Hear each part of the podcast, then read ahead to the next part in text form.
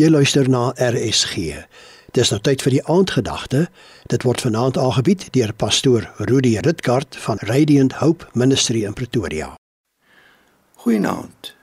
Ons lees vanaand uit Johannes 14 vers 27. Ek laat vir julle my vrede na.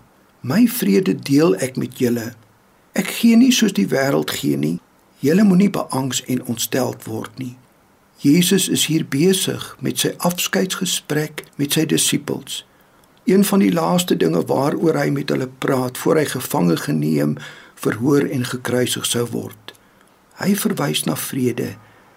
Die vredestema kom amper in elke boek van die Nuwe Testament voor. Nadat Jesus die vrou genees wat aan bloedvloeiing gely het, stuur hy haar weg in vrede. Hy maak dan ook per geleentheid 'n beroep op sy volgelinge om in vrede saam te leef. Paulus verwys in 1 Tessalonisense 5 en Filippense 4 na die God van vrede. God is die ware bron van vrede, die een wat daadwerklike vrede gee. Vrede impliseer nie noodwendig die afwesigheid van probleme en konflik nie. Moontlik is dit waarna Christus verwys as wêreldse vrede in ons teksvers. As dinge mos regloop en alles voorspoedig en goed gaan, is dit seker doodnormaal en werklik nie te moeilik om vrede te ervaar nie. Tans is daar in die wêreld 'n behoefte aan standhoudende vrede.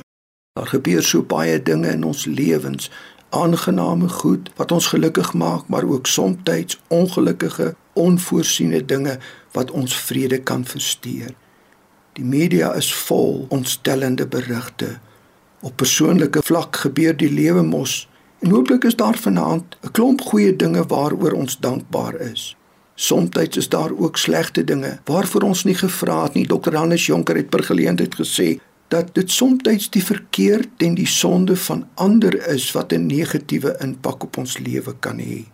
Christus is deeglik hiervan bewus en sê dan ook dat nie teenstaande lewensgebeure ons vrede kan ervaar.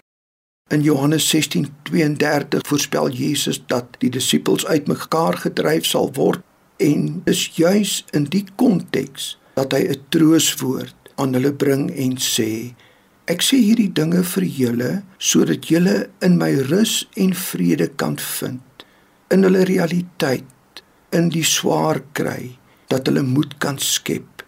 Hy sê ek het die wêreld oorwin. Dus Deur die genadige versoeningswerk van Christus het ek vrede met God en my naaste kan ek ook innerlike rus en vrede ervaar. Liewe luisteraar, want ek is jy vanaand ongelukkig of bekommerd of kwaad. Dan hoor ons weer Christus se woord aan sy disippels kort voor sy kruisiging.